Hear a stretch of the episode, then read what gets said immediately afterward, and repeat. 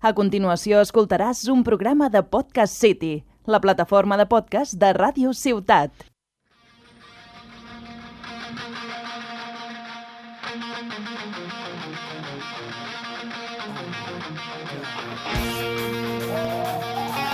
Esteu escoltant Tuitaires Tarragonets.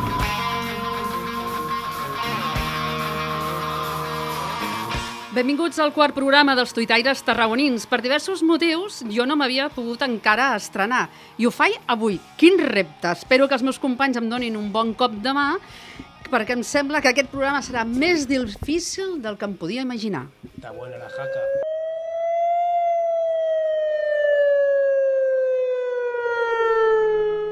Diuen que la pluja de gener omple la tina i el graner, així que comencem molt bé aquest 2020. I el programa avui el farem amb la Jorunya, Eh! el Joan Boronat, Eh! el Jota Planes, Eh! Swingtic, Eh! Joan Rucà, Eh! Hola. Gerre de Castells, Eh! Pujol Inma Eh! i Mac DB. Eh! I el nostre estimat patrocinador, el gitano de la part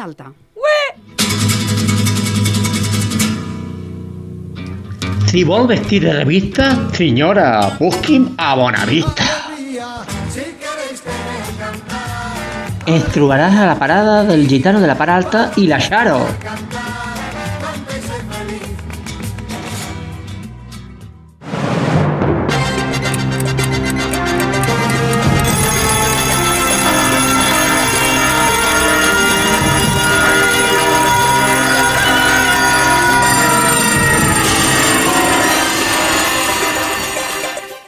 Comencem forts, tenim en línia el becari en pràctiques que ens estava emprenyant molt a la redacció i l'hem enviat a buscar informació sobre les sirenes. A veure què ens explica. Bona tarda, Marta. Tal com m'heu dit, he anat a buscar informació sobre les sirenes i et porto una primícia. Què dius? A veure, explica, explica. Doncs eh, sí, mira, he aconseguit eh, contactar amb la responsable de les sirenes, la senyora Mayra Escàmez. Ens ha costat una mica, però finalment ho tenim. Doncs endavant. Bona tarda, senyora Mayra Escàmez. Podria explicar-nos com ha viscut tota aquesta polèmica de les sirenes? Doncs miri, la veritat és que no ens vam assabentar de res fins que vam anar a prop del Pantalan. Va ser un dia dur i sense descans, com gairebé sempre. Sí, però què li sembla la discussió sobre si s'havia d'alertar la població a través de les sirenes? Doncs no crec que fos la solució més adient. Nosaltres no podem arribar a tots els racons. Per cert, eh, vaya abdominals que tens, no, guapo? Bueno, ja farem alguna després, però bueno, així doncs, està d'acord en que ens falten més sirenes, oi? No sé què dir-li. Creiem que actualment ja hi ha prou sirenes per cobrir tot el territori. Escolta, eh, a tu la colita se't mou tan bé com a mi? No més, si me la toques. Però bueno, és igual. Llavors, eh, com creu que s'hauria d'haver actuat? Nosaltres el que creiem que s'ha de fer és anar deixant la indústria química de banda i apostar per altres tipus d'energies més netes i que ajudin a la sostenibilitat del planeta. És que som molt de la Greta Timber o Thimber o com es digui aquella. Sí, a mi també m'agrada la nena aquella. Eh, però em refereixo, a veure si m'ho pot especificar millor, com s'hauria d'haver actuat davant la situació d'alarma que es va viure al complex químic de Tarragona? Què? Què, què ha passat? A què es refereix? Doncs a l'explosió que hi va haver aquesta setmana passada. I jo què co sé? Jo només sóc la responsable legal de les sirenes del Mediterrani. Un moment, un moment. Becari, on ets? Al Pantalan. Pues baixa amb la braqueta que veuràs una cosa de pam. Però al Pantalan? I aquesta senyora Escàmez? On és? Qui ets? Eh, Està amb tu? Sí, però està dintre l'aigua. Com que dins de l'aigua? Que no te n'adones que estàs entrevistant una sirena de mar? Eh, jo què sé, he anat a buscar una responsable de sirenes, tal com m'havies dit. Apa, Becari, acabem aquí la connexió. Si n'arribarà a ser de ruc aquest nen. I després d'aquest interessant reportatge, per dir-ho d'alguna manera, del nostre becari, donem pas a una nova secció, el nostre APM, l'altre ple municipal, on farem un resum esbiaixat i descontextualitzat dels plens que es realitzen a l'Ajuntament de Tarragona. El darrer va tenir lloc el 14 de gener, un ple extraordinari. Benvinguts a l'APM Tarragona, l'altre ple de Tarragona. Per resums seriosos, ja tenim altres programes. En el primer punt de l'ordre del dia es volia aprovar el canvi de denominació de les fitxes descriptives dels llocs de treball. de director o directora general de recursos humans y de director directora general de la IMET. Vamos, molt més interessant, la salchipapa. Lo bailan en la playa, salchipapa. Lo bailan en las discos, salchipapa. Lo bailan en las fiestas, salchipapa. Lo bailan en los bares, salchipapa. que sus decisiones en materia de personal han sido y puedan continuar siendo, como poco, extravagantes, excéntricas y pintorescas. I aquí estem. Clar, fer-ho bé és lent. I això, i això és el que ens passa. I fer-ho bé també pot ser ràpid. Am, No, no entiendo nada. estamos convencidos de que Tarragona y los tarraconenses necesitan y se merecen contar con un equipo humano sobresaliente. Um, considero que si s'esforcen pitjor, a vegades no es pot fer ja. No confonguem les coses. Ara, també teniu raó, eh? Vull... I si no tinc raó, me la tallo en pans monja. I veiem res opac, sàpiguen que, evidentment, ho expressarem i ens hi oposarem. Algo que nos parece a todas luces una temeridad y una falta de prudencia, aunque evidentemente a ustedes no parece inquietarles ni desasosegarles. Espero que aquest Superman o Wonder Woman que volen contractar... Te l'has preparat, aquesta, eh? Moltes gràcies. Passem doncs a votació. No. Sí. Sí. No. Sí. Um, sí. Joder, que tropa. Per tant, s'aprova. Muy bien, bien hecho, sí, sí. Adjudicar les obres compreses en el projecte executiu reforç d'urbanització del sector PPU 10 Autovia de Reus. Fem brinque, que tot el que venia de l'anterior de govern era tot un desastre, ara resulta que potser, potser, no tot era tan desastre. Aquest és un cas eh, complex. No sé cuántas mentiras más le esperan a sus electores. Aviam.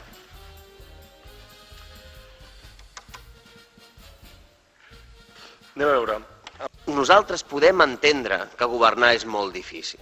I nosaltres en això sempre els donarem suport de dir, escolti, sabem que governar és complicat, no? Però també és cert que mentir és fàcil.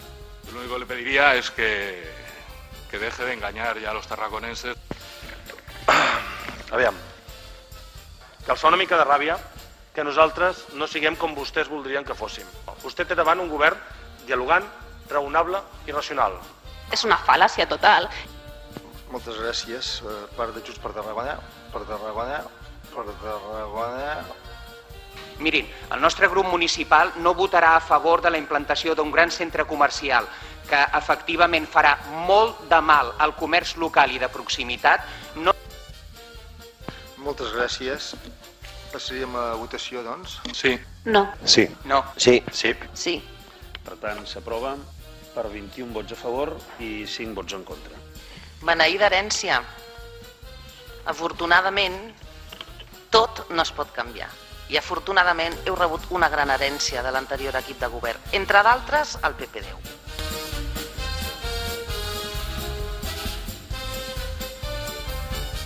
L'altre ple de Tarragona.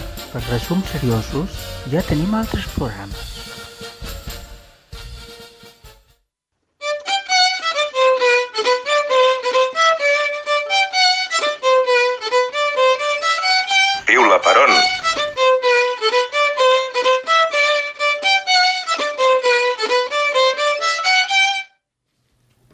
Sabíem si fer broma, perquè encara estem de dol. Al cel cien els afectats de l'icòxil en petrol. Una indústria de la química va fer un pet com una gla. Què pensen, que sabem mímica? Que les sirenes no van sonar? Ai, ves, potser no calia. El gas no era tòxic ni radioactiu. Prometran accions i canvis i seguiran fent-la viu-viu. Tremolaren les parets, així que ens vam tancar a casa. Varen baixar les persianes i au, a fer coses marranes. Coses marranes, dius. Si gairebé em busses el vàter, el forat aquell de matxa, res comparat amb el teu cràter. Això és que vaig menjar algú que no em deuria sentar bé. La teva cigala o alguna altra. La identificaries per l'alè? Au, ves i passiu bé.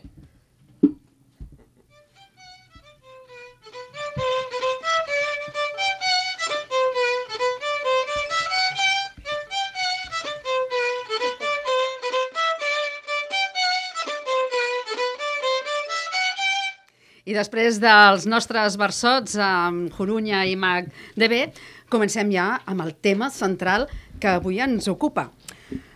Entrevistarem a en Xaver Allové, el cocinero fiel, professor de la Universitat Rovira i Virgili. En Xaver és molt més conegut precisament pel seu blog El cocinero fiel, des d'on comparteix receptes i alguna cosa més, segons explica ell mateix a la presentació de la seva web. Podríem dir que en Xaver no és cuiner de professió, però sí de vocació. Els seus vídeos tenen milions de reproduccions, ha rebut diversos premis, dissenya restaurants. Alguna cosa més, Xaver? Bueno, dissenyar restaurants no, però la resta... Bueno, estic ocupadillo, sí, m'ho passo bé. Doncs si us sembla, companys, abans de, de començar amb el debat, per conèixer una mica millor el, el Xaver li farem alguna pregunta. Com tens temps per tot això? Bé, jo és una qüestió de prioritzar i realment hi ha moltes hores al dia. Dóna temps per tot. Et consideres crític gastronòmic? No, més aviat cronista. Cronista de...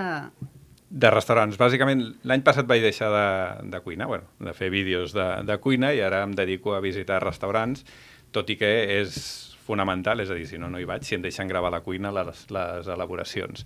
I no és que faci una opinió crítica del restaurant, sinó que més aviat destaco el que m'agrada. Bàsicament perquè crec que és molt difícil fer el que fan i, i ho valoro, no? I llavors, pues, si no m'agradés, no hi aniria, no? Dius que has deixat de cuinar. A casa teva també? No, a casa meva no. Cuino cada dia, m'estico una hora, hora i mitja a la cuina, no, no falta. I què és el que més t'agrada cuinar? Doncs mai he tingut eh, predileccions, vaig variant. De sobte em dóna per el pa, o per la pizza, o per l'asiàtic, o per l'italià, o pel francès. Tinc una fase que a casa m'han d'aguantar i, i quan passa, passa. I quan tens convidats, el mateix? Quan tinc convidats faig el que sempre recomano fer, que és eh, algo que tinguis garantit que et surt bé. Res de fer experiments, de dir, avui que tinc convidats provaré una cosa que no he fet mai i llavors és quan la cagues. El romesco ha de ser patrimoni de la humanitat? Efectivament, sí, sí, hi ha bastanta gent que ja, que ja ho diu i creiem que és una aposta. Fa dos anys la, pizza, la recepta de la pizza napolitana ho va aconseguir i creiem que és un moviment que Tarragona ha de fer i si no el fem nosaltres el farà el territori, perquè està la salvitxada i el xató i, i és molt similar, tot i que no és el mateix, i aquest jo crec que és un moviment interessant per la ciutat. I la ciutat s'ho creu? Doncs fixeu-vos que, eh, bueno, ara parlem molt de que som al sud i tal, però Catalunya té els castells i una salsa, que és el romesco. Ja està I, tot dit. I ja està tot dit. Parlem ara de, de la teva feina a les xarxes socials. Uh, ens pots actualitzar una mica les, les xifres? A veure, la veritat és que no, no les tinc molt al dia, però diguéssim que es veuen com a mig milió de vegades tots els vídeos que tinc. Penseu que fa 10 anys que, que sóc youtuber, de fet no existia ni la paraula youtuber, i durant anys he pujat una recepta mínima a la setmana i ara estic pujant un restaurant a la setmana. Llavors això, si tens continuïtat, al final no tinc grans xifres, no? si pujo un vídeo, el normal és que amb el temps arribi a 20.000, 25.000, depèn del tipus de restaurant o, o el tipus de recepta, i l'acumulat fa que, bueno, pues que cada mes tinguis mig milió de, de visionats. Per tant, penso que no deu ser d'aquelles persones que està contínuament pendent de, dels seus followers. Bueno, he tingut fases, no? Quan portes 10 anys, pues deixes d'obsessionar-te, eh, també han passat moltes coses, no? Al principi és, eh, no existia, existien els blogs i no existia YouTube, després existia YouTube, després existeix Facebook, després apareix el Twitter, després l'Instagram, i ara fa bastants anys que està la cosa, des de 2009 jo crec, que ja existia tot, que, que la cosa està estable i Twitter ha canviat molt i Facebook ha canviat molt i Instagram és molt si no pagues no et veuen o si no estàs allà cada dia fent contingut i fent likes a, a tothom que està al teu voltant i jo això ja no, a mi aquesta part no m'ha agradat, ho diu Facebook i suporto Instagram, però Twitter segueix sent la meva eina de referència. I ets més youtuber o influencer? Bueno, això d'influencers no, no depèn de mi, no? La meva influència... Una de les coses que, que he averiguat ara, que, que tuitejo més coses locals, i llavors m'arriba que la gent m'ha llegit a Facebook. Resulta que fan captures de pantalla i, i això és molt interessant com eh, es comparteix el que fas a Twitter eh, sense vincular, i capturen la pantalla, no saben ni, ni qui ets, perquè a vegades no capturen ni el nick, però per, pel, pel carrer gent diem, "Ah, vaig veure això al Facebook.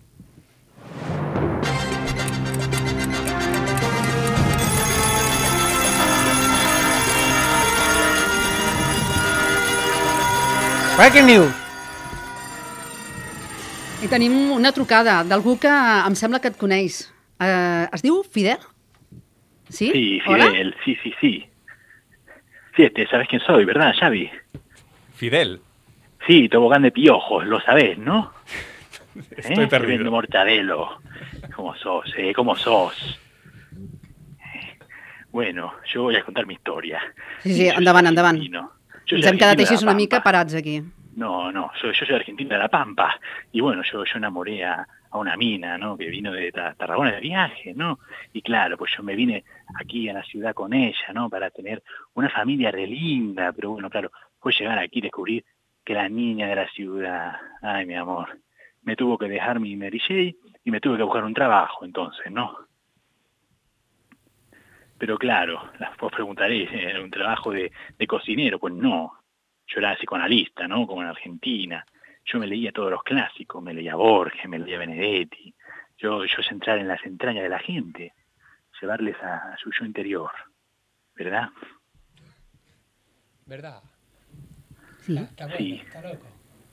Sí, bueno, bueno, eh, ese boludo cabeza de poronga fue mi cliente como psicoanalista, ¿no? Este, estaba estresadísimo con no sé qué quilombo de ¿Pero qué sus alumnos en la universidad, era un pecho frío, era un pecho frío, ya ves. Eh, no sabía cómo llegar a los eh, a ellos, no, eh, es- no, no se comunicaba Escolta, con la escolta, gente. a veure, a veure, prou, eh? Prou, perquè això em sembla que se'ns en va de mares. Uh, moltes gràcies, Fidel, per la trucada. Ho deixem aquí. Bueno, pues adiós. Pero, pero, pero bueno, me robó, me robó, me robó mi Deixem-ho, canal. deixem-ho. Talla, talla, talla, talla. Corre, corre, corre, talla, talla, talla, talla, talla.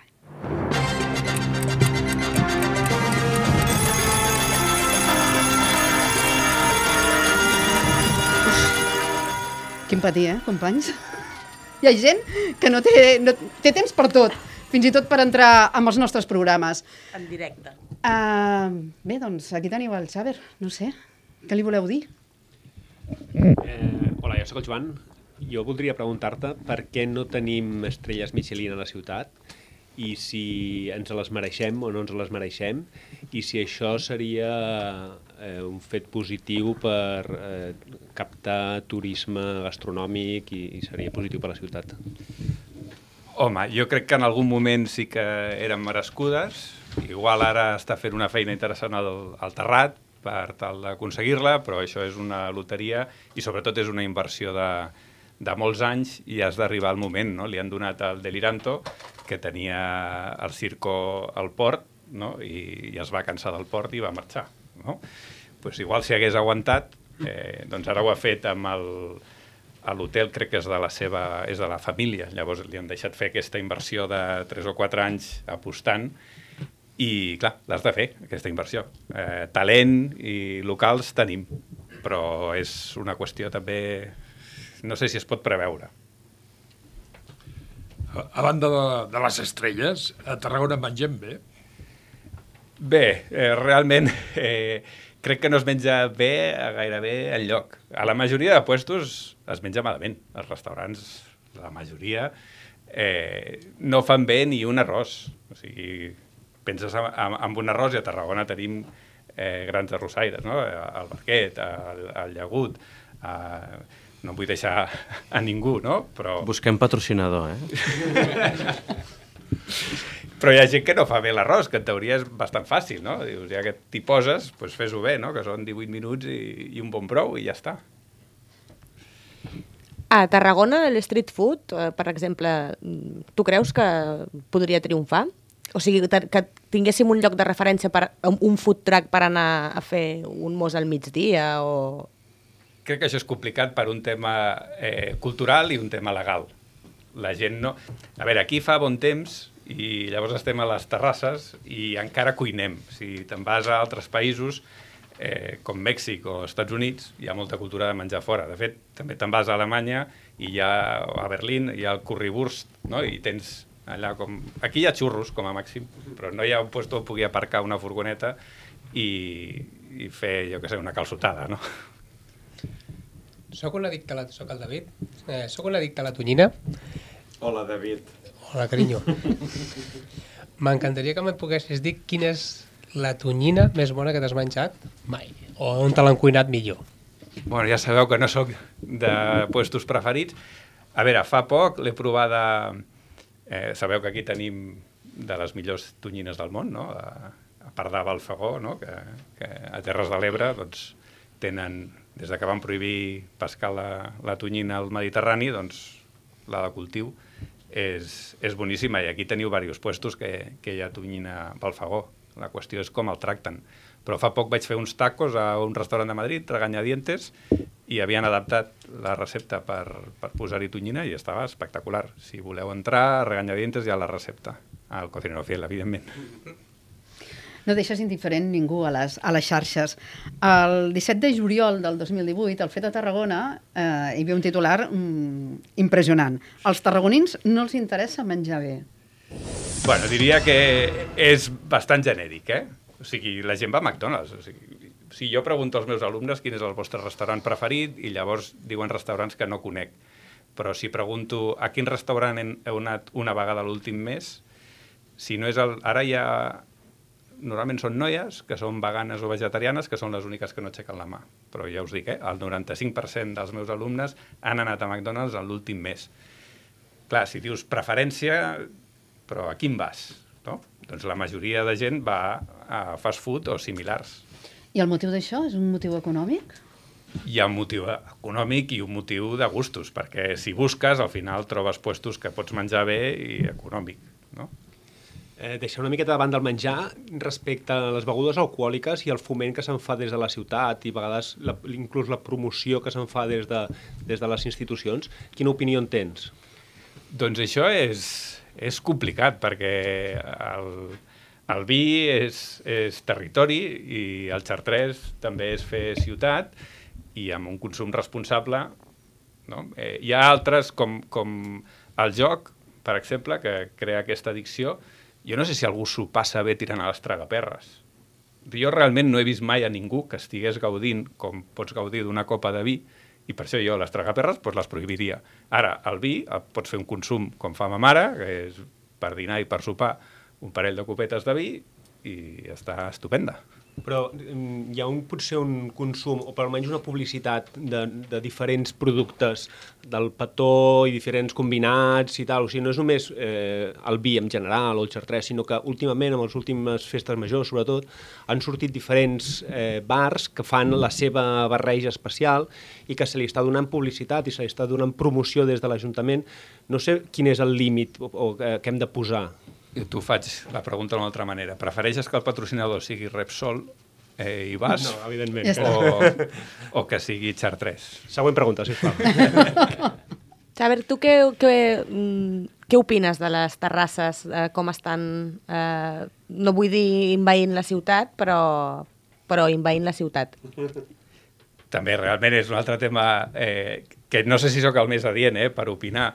Eh, jo crec que hi ha una normativa que s'hauria de complir i que no es compleix i després hi ha veïns que es compren un pis on tota la vida hi ha hagut una terrassa. Si, si, si vas a viure ara mateix hi ha dos àtics que es venen a la plaça La Font.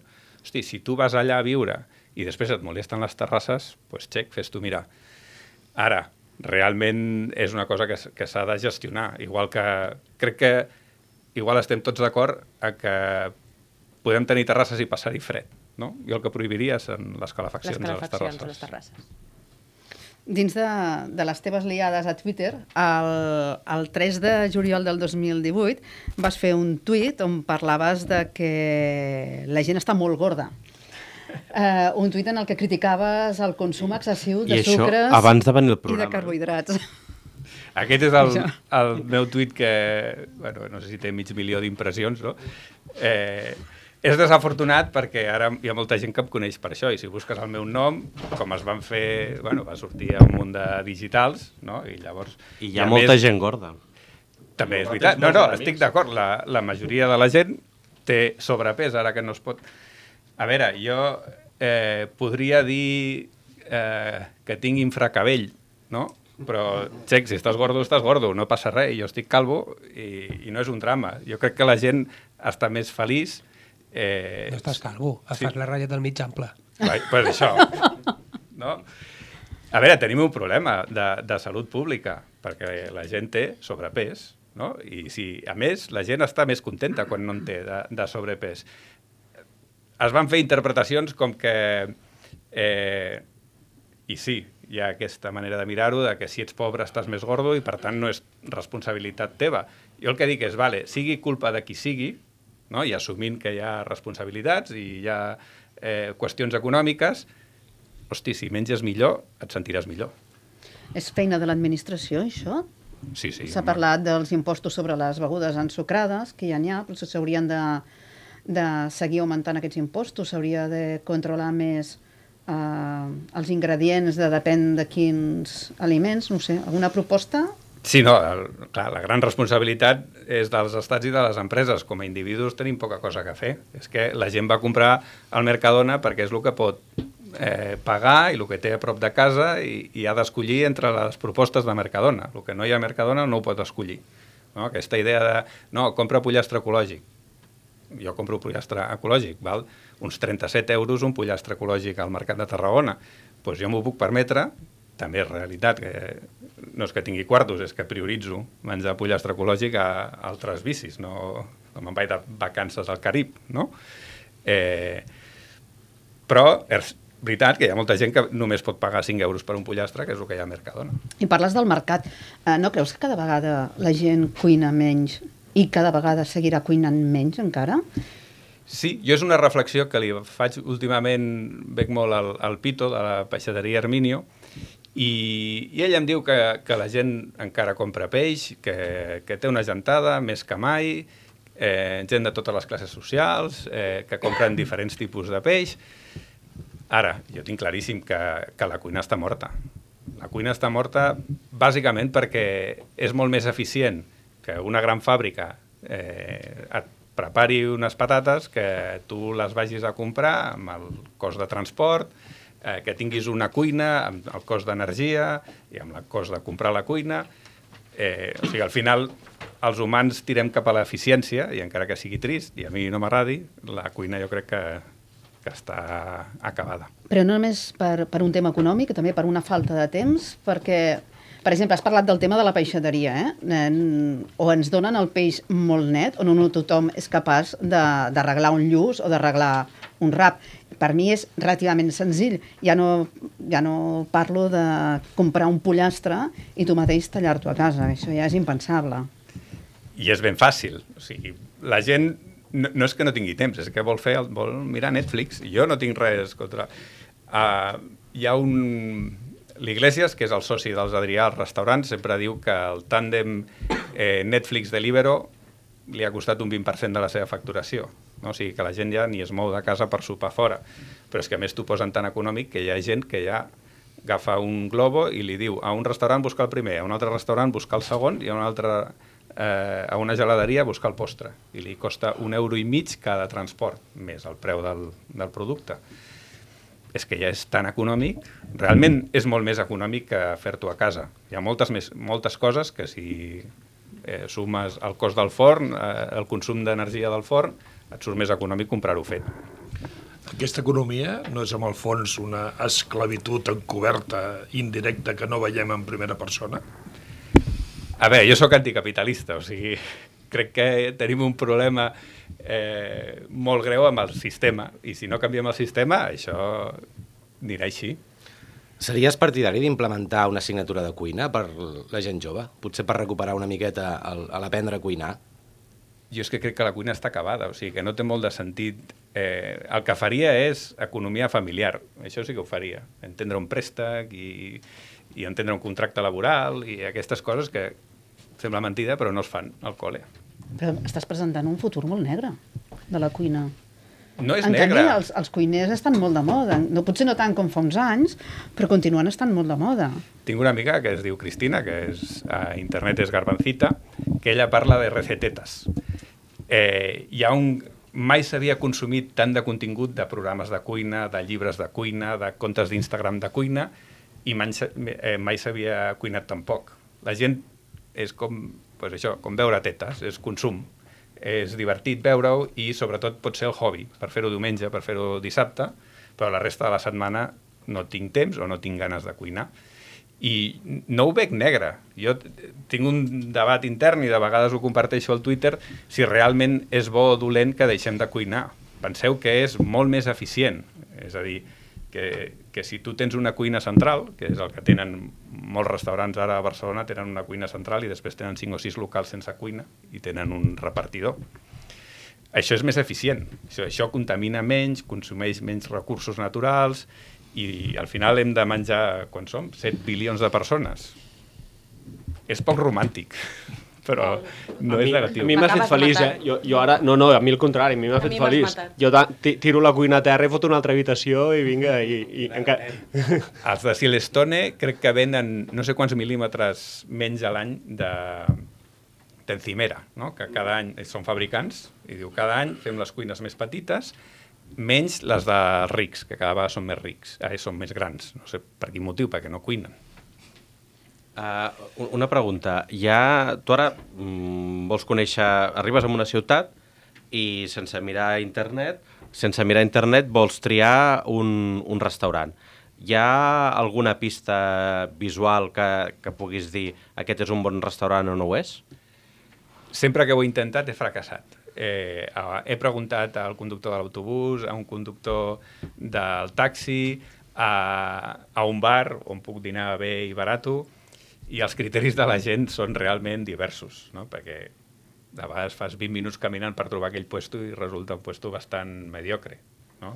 També depèn de les teves expectatives i del que busquis, però jo sense internet realment no sé, no sé com ho fèiem, perquè és complicadíssim. I les guies? Clar, les guies... Eh, ara és molt millor internet perquè tens opinió de tota mena. A més, una de les coses que ara m'agraden més és que ja comencem a... No només tu valores el local, sinó que el, el local et valora tu, com fan a Airbnb. I jo crec que això és un progrés interessant. Ja que estaves parlant de que a la gent li agrada anar a dinar fora o comprar el menjar fora, sabries dir-me o orientar-me quin pot ser el preu mig per una ciutat com Tarragona per un menú de diari, per un treballador? Quin hauria de ser, millor dit, no quin és, quin hauria de ser? Un menú saludable i que estigui més o menys bé. Cuinat a casa? Cuinat en un restaurant, per exemple, o en una cafeteria que puguis anar a dinar quan sortis de la feina, surts a la una, dines, tornes a les dues, per exemple. A Com veure, creus ara- que, que ara hauria de ser això? Ara seré polèmic. Eh, per És- és lo que toca, eh? per provocar els meus alumnes, que jo fa 10 anys que dono classes a, a primer de turisme, els dic que els pobres no haurien d'anar de vacances. I llavors espero la reacció. Hashtag I els hi dic no si és sobre l'esquena d'altres pobres. D'acord? Llavors, quan em preguntes quan hauria de costar el menú, et diré aquell que el cambrer no cobri 800 euros, el cuiner no cobri 1.000 euros, eh, el propietari no s'autoexploti, no? Sí, però acaba de tancar obviant, el firmo... Obviant això, perquè crec que tots els aquí presents i la gent que ens escolta segurament ja estigui d'acord. Jo ara no parlo sé si estan d'acord, eh? perquè si vas al McDonald's no estàs d'acord amb això. I la majoria de gent, recordem que va al McDonald's i Bueno, va al Fer Domino's Pizza... Ferran Adrià un dia va dir que pel cost que té el McDonald's és el millor menjar que et poden donar. No, no tinc dubtes d'això, amb seguretat alimentària i tot això, segur, però pregunta als treballadors... No, no, i tant, segurament estan de fastiguejats i- Què tal viuen, o els proveïdors de McDonald's què tal negocien... O sigui, Jo em referia més aviat a què costaria un menú saludable. És a dir, tu consideres que amb 15 euros es pot cuinar un menú saludable, per exemple? de sobre. Però si no tens el restaurant ple, és impossible. Vale, I, perfecte. I 15 i més, més econòmic, eh? És a dir, per 10 euros, com per exemple menjo jo en un lloc, Sí, sí, clar. sí, es pot fer bé. Es pot fer bé. El que passa és que hi ha d'anar més gent, i més sovint. Si no tens volum, els 10 euros aquests el que provoquen és l'autoexplotació, que, és, que ha estat el model de, de l'hostaleria. Us deia que el Firmo, que era un bar del final de la Rambla que ha tancat enguany després de 32 anys, s'hi estava 16 hores al dia i tancava 10, 10 dies a l'any. Això, això no és una vida. No, això no és viure. Jo, jo m'he quedat amb lo de la que la cuina està morta, eh? No, no ho acabo de, de, de, de veure, perquè- perquè després tothom parla del real food, del slow food, del quilòmetre zero, hi ha cada vegada més gent que consumeix ecològic, més vegans.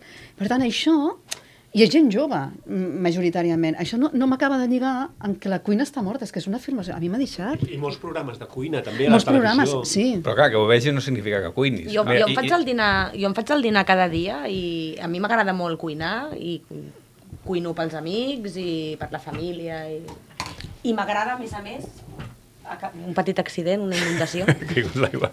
Eh, M'agrada molt anar a cuinar amb els avis per, eh, per aprendre les, les receptes, també, que, que fan ells i que un dia, que, quan ells ja no hi siguin... Però ets conscient que ets una excepció?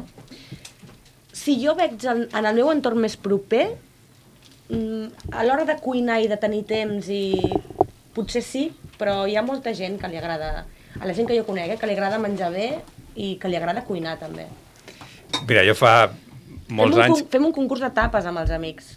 Sí, sí, i, jo amb la família, però després... Però és qui, excepcional. Qui, qui cuina el dia a dia, jo fa anys que treballo per, per una conservera de, de Navarra i quan vaig començar fa sis anys els hi vaig dir això. Dic, mira, jo ho sento, teniu un producte excepcional perquè tenen, eh, tenien eh, doncs, eh, cigrons, llenties, o sigui, productes eh, en conserva, però no feien barreges, no feien plats preparats, no feien... I els deia, teniu un producte excepcional, com les potxes, com el cardo, com... però això la gent ho deixarà de comprar.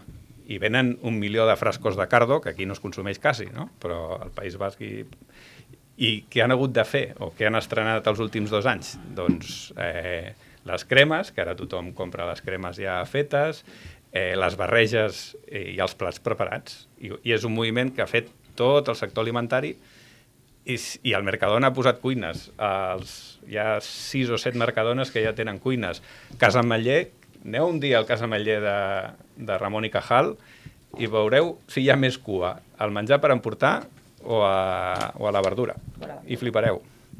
De fet, això també t'ho volia comentar, perquè cada cop són més els, els supermercats que estan incorporant cuines en, a, en els seus establiments. De fet, en alguns llocs crec que Mercadona ja ho ha posat en funcionament, no només la Manller, sinó que Sí, sí, supermercat us deia ara com, que com set Mercadona... Mercadones tenen, tenen ja la cuina allà i, i és, bueno, ja veureu com Casa Ametller ho té a un puesto i d'aquí tres dies ho tindrà a tot arreu perquè és que a més és supereconòmic i Lidl ho va anunciar la setmana passada té plats de, un- de 1,9 euros a 3 euros un plat complet I això, Lidl.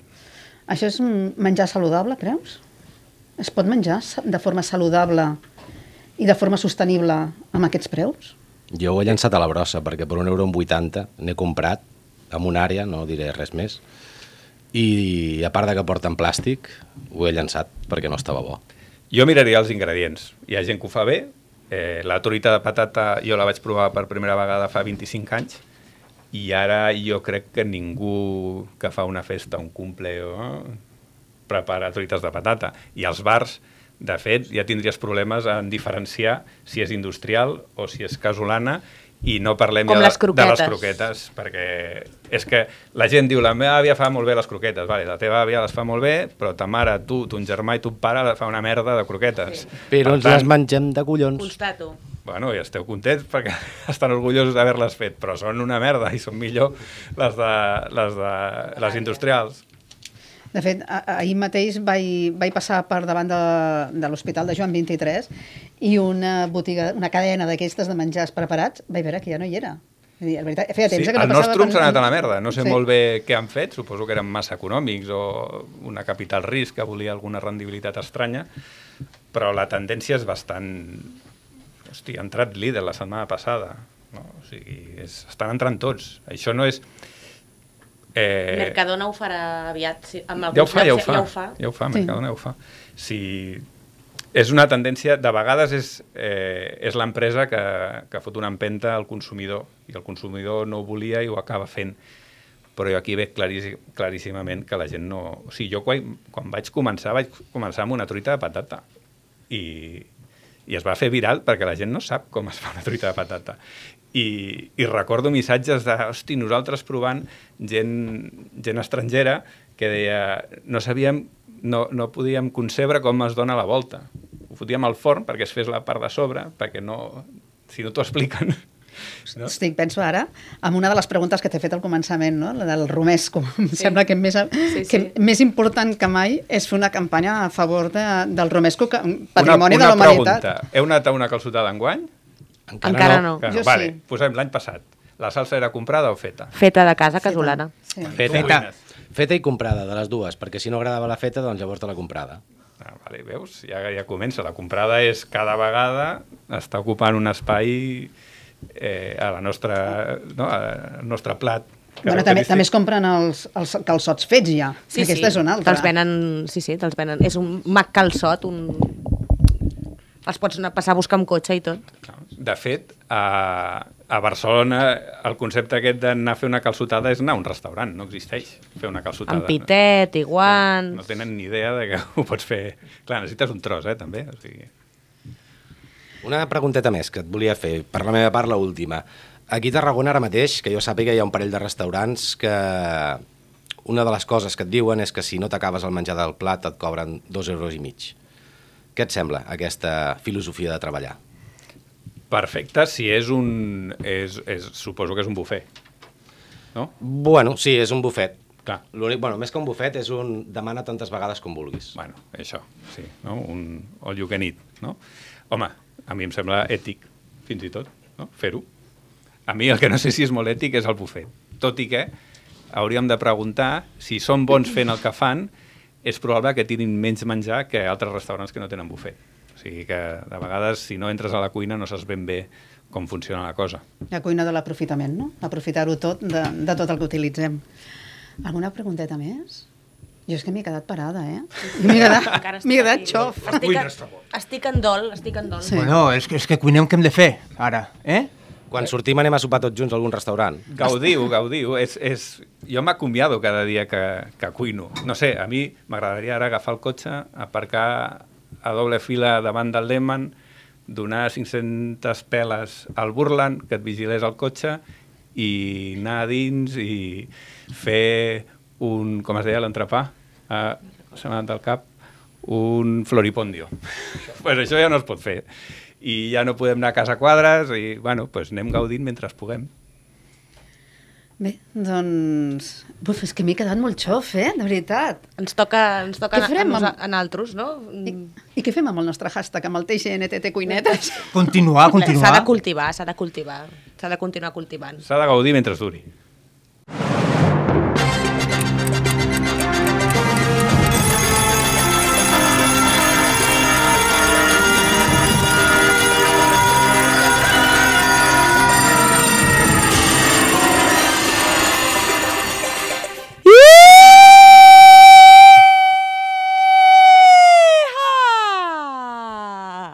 Bona nit, Marta.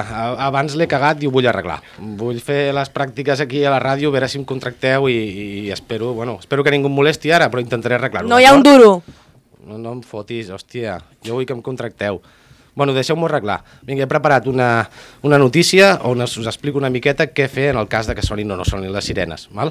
Llavors, després de la polèmica sobre la utilitat de fer sonar les sirenes quan sentim un pet com una gla, eh, m'agradaria fer-vos un petit recordatori de què fer si ens trobem en un cas així. Llavors, els tuitaires tarragonins, que sempre fem un servei públic i sense cobrar, us volem donar unes quantes directrius de com fer-ho. La primera, tanca't a casa, que al carrer acabes gastant. I a la mà dreta te la vas pelant. Bueno, Jo no. Tanca finestres i baixa persianes, que és com ho hauries de tenir cada dia que faci un mínim de pudor. Posa la ràdio i si en tens més d'una, sintonitza primer Tarragona Ràdio, que la diferència horària amb Barcelona és d'un fus horari només. És igual pots tocar un ovari. Ai, ai. No sortiu de casa fins que ho digui el Buc, el Twitter o la Ramos passi amb un megàfon. Que has dit el Ruc? No, el Buc. Oh, perdó, el Ric. És igual. No sé, el Buc, el Ric, el Buc. És igual. Aprofiteu per fer l'amor, però amb precaució, que potser el futur fill o filla acaba treballant a la petroquímica perquè no té altre remei. I ja com a última, si res funciona, compra't un pis a Reus. pues, vés, no vegis de, de cap a peus. Ai, bueno, Marta, això ha estat tot. Espero haver-ho fet millor que abans. Ho sento, eh, per lo de la sirena.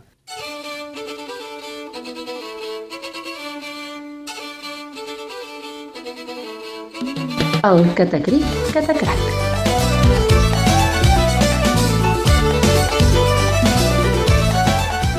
Bueno, ens intentem agafar una mica d'aire, recuperar-nos d'aquest d'aquest catacric catacrac que ens ha donat avui el, el Xaver. Uh, M'imaginava, la veritat és que un altre, un altre final, però bé, per la part que em toca a mi, personalment, continuaré eh, penjant les meves fotos del TGNTT Cuinetes i Sí, sí. continuaré defensant comprar amb les botigues eh, el menjar... Anar al mercat i...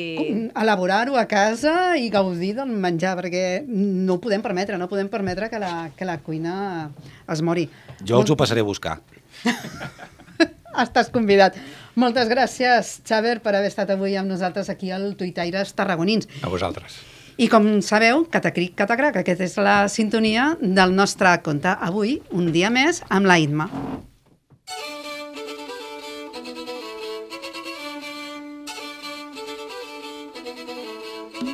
El catacric catacrac.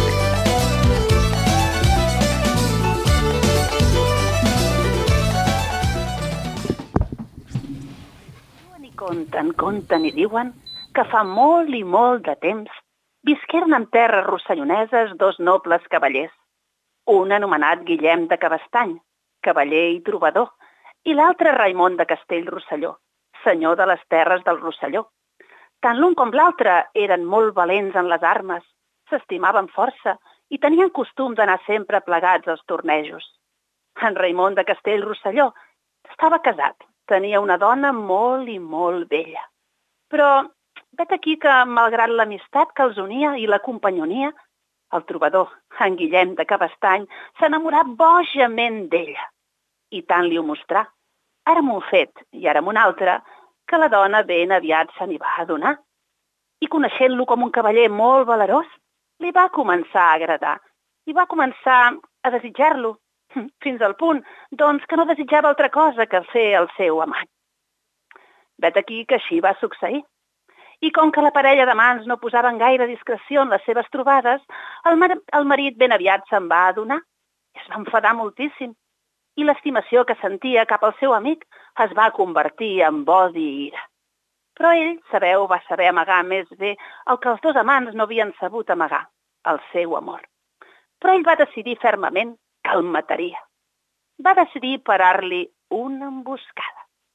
Així doncs, el dia següent li va fer enviar una carta, una carta en la que convidava en Guillem de Cabestany el dia següent a anar a sopar a casa seva. Podrien parlar d'un torneig que havia de celebrar-se properament. Així doncs, en Guillem de Cabestany, quan va rebre la carta, no va sospitar res i va acceptar la invitació i va fer tots els preparatius per anar cap al castell del seu amic. A més a més, va pensar que seria una bona manera de tornar a veure la seva estimada. El marit, però, ho tenia tot preparat. L'endemà, a mitja tarda, es va amagar al camí, el camí que portava cap al seu castell, allà entremig de la boscúria. I vet aquí que va esperar. I al final el va veure que s'acostava pel camí. Anava sol i desarmat. I quan el va veure que estava davant seu, ell que sí, que enfurit i ple de malvolença, amb una llança a la se li va abraonar cridant «Traïdor! Ets home mort!» I li va clavar la llança al pit, caient mort a l'acte. Llavors el cavaller Raimon va descavalcar. Va agafar un coltell, un petit ganivet que portava, i li va clavar al pit d'en Guillem de Cabestany i amb les seves pròpies mans li va treure el cor. El va embolicar i se'n van tornar cap al seu castell, deixant amagat el cos del seu amic entre la boscúria. La dona aquell vespre estava una mica nerviosa, perquè, és clar s'acostava l'hora de sopar i el seu amant no apareixia. El seu marit se'n va donar i li va dir «Per cert, en Guillem m'ha fet saber que avui no podrà sopar amb nosaltres. Així doncs, vindrà demà». La parella, doncs, es van començar a preparar pel sopar. Abans, però, el marit se'n va anar a veure el cuiner i li digué «Mira, aquesta tarda mateix he matat un senglar als boscos prop del castell. Mira, aquí tens el seu cor. Mira de fer-ne un estofadet, el millor i més gustós. I quan seiem a taula, el portes amb una safata d'argent. El cuiner el va agafar i va posar tot el seu art i cura. El va trossejar, el va amanir amb bones espècies i en va fer un requisit boníssim. Bé, quan arribà l'hora de sopar, en Guillem i la Sermonda es van posar a taula. El sopar arribà, però el marit estava una mica desganat. El cuiner finalment va portar el requisit, el va posar davant de la dona en aquella safata d'argent i aquesta, que no havia perdut pas la gana, en va començar a menjar. I li va semblar bo, no bo, boníssim, i se'l va menjar tot. I en acabat, el seu marit li digué «Sembla que us ha agradat molt». A fe de Déu que sí, va dir la dona. Déu me'n guard, us crec. Mireu, no em meravella pas que us hagi agradat mort el que viu encara us agradava molt més. Com? Què és el que m'heu donat per menjar? El que acabeu de menjar ha estat el cor del vostre amant, en Guillem de Cabestany, aquell qui vos tant estimàveu. Vo, vo, vos heu fet el que faria un cavaller deslleial i malvat. Era jo, i no pas ell el que havia de rebre la pena. Però que Déu no vulgui que sobre una menja tan noble com és el cor d'un cavaller, tan valerós, n'hi vagin d'altres. Llavors la dona es va posar dreta i es va llançar dalt a baix d'una finestra que hi havia en aquella habitació. I en caure va morir a l'acte. Llavors el marit, veient el que havia succeït, va comprendre que havia obrat malament. Va agafar els seus cavalls i va fugir.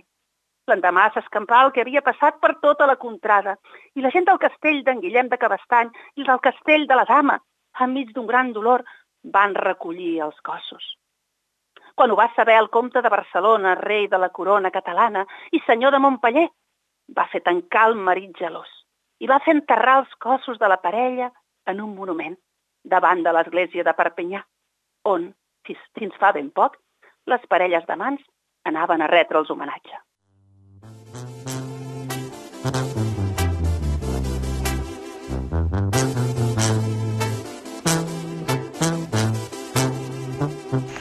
L'agenda.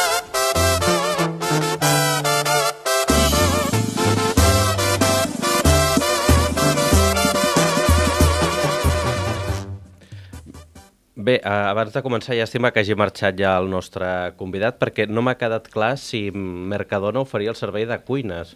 Llàstima de no, de no haver-li preguntat, però tinc entès que el Mercadona de Tarragona potser properament ho obrirà, però de moment no ho posem a l'agenda. Si t'has quedat con hambre, que tiene fiambre. Moltes gràcies, Gitanet. A veure, agenda. Uh, expressió popular teledirigida pels poders de la Tarragonó. Dissabte es preveu una gran manifestació contra tot i tothom qui no siguem nosaltres, al centre de Tarragona, però que bàsicament engloba temes sobre els que no tenen responsabilitat les administracions locals, però que ajuden a guanyar eleccions. Qui vingui en tren es recomana que vingui amb una hora d'antelació. Qui vingui de Salou, bé, qui vingui de Salou millor que vingui a peu. Aquí volia posar, a la primera notícia volia posar alguna broma amb el plana, però no me n'he acabat de sortir i, i, i respecto massa el meu cotxe. Uh, estem a les mans d'autèntics professionals. Vist l'èxit de les manifestacions i declaracions d'indignació de les últimes setmanes a Tarragona sobre el tema del tren, l'Ajuntament no descarta convocar manifestacions sobre altres temes d'actualitat, com la construcció d'un anfiteatre romà davant de la platja i que malmetrà les dunes, i també hi ha previst una manifestació contra el tancament del sanatori de la Sabinosa. Sobre aquest tema, l'alcalde ha manifestat no pot ser que tanquin el sanatori i deixin a tants nens sense les cures que necessiten, i tot per fer-hi un hotel. Amb aquesta, amb aquesta notícia el que volia fer era una ironia de manifestar-nos una mica tard sobre temes que es fa bastants anys que es parlen. Per això he volgut fer la broma amb l'amfiteatre i el sanatori. És molt fort tot això.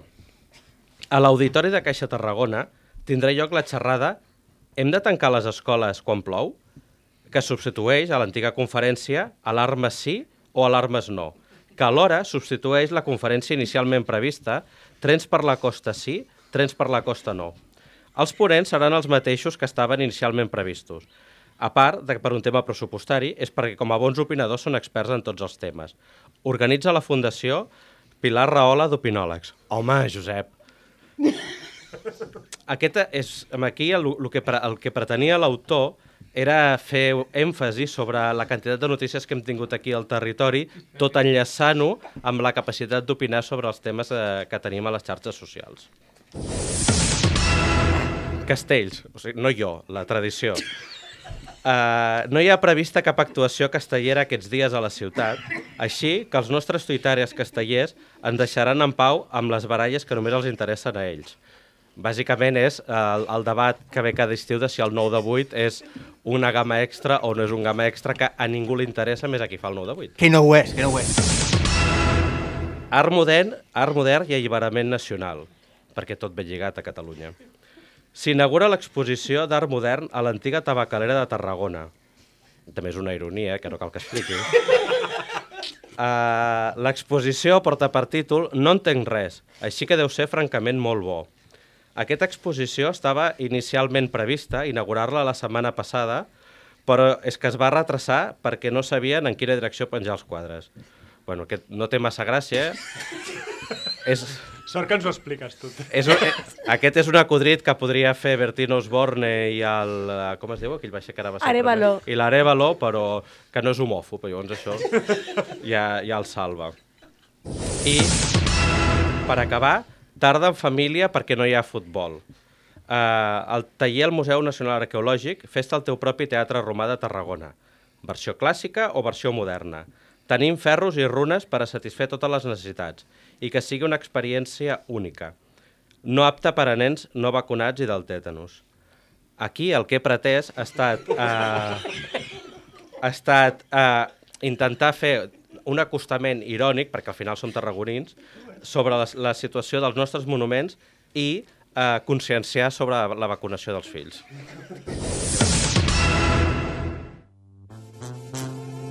L'agenda.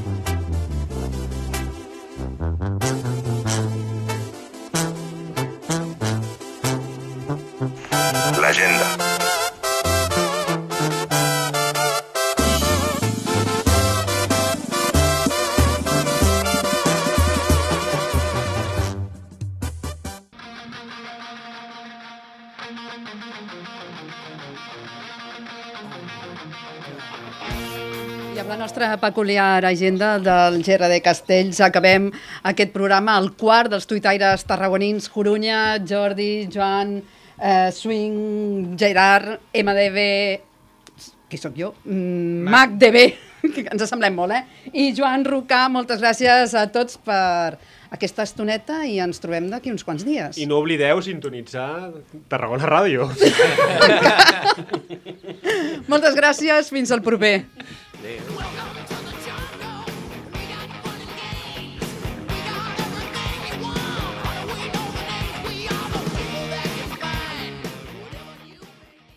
Has escoltat un programa de Podcast City, la plataforma de podcast de Ràdio Ciutat.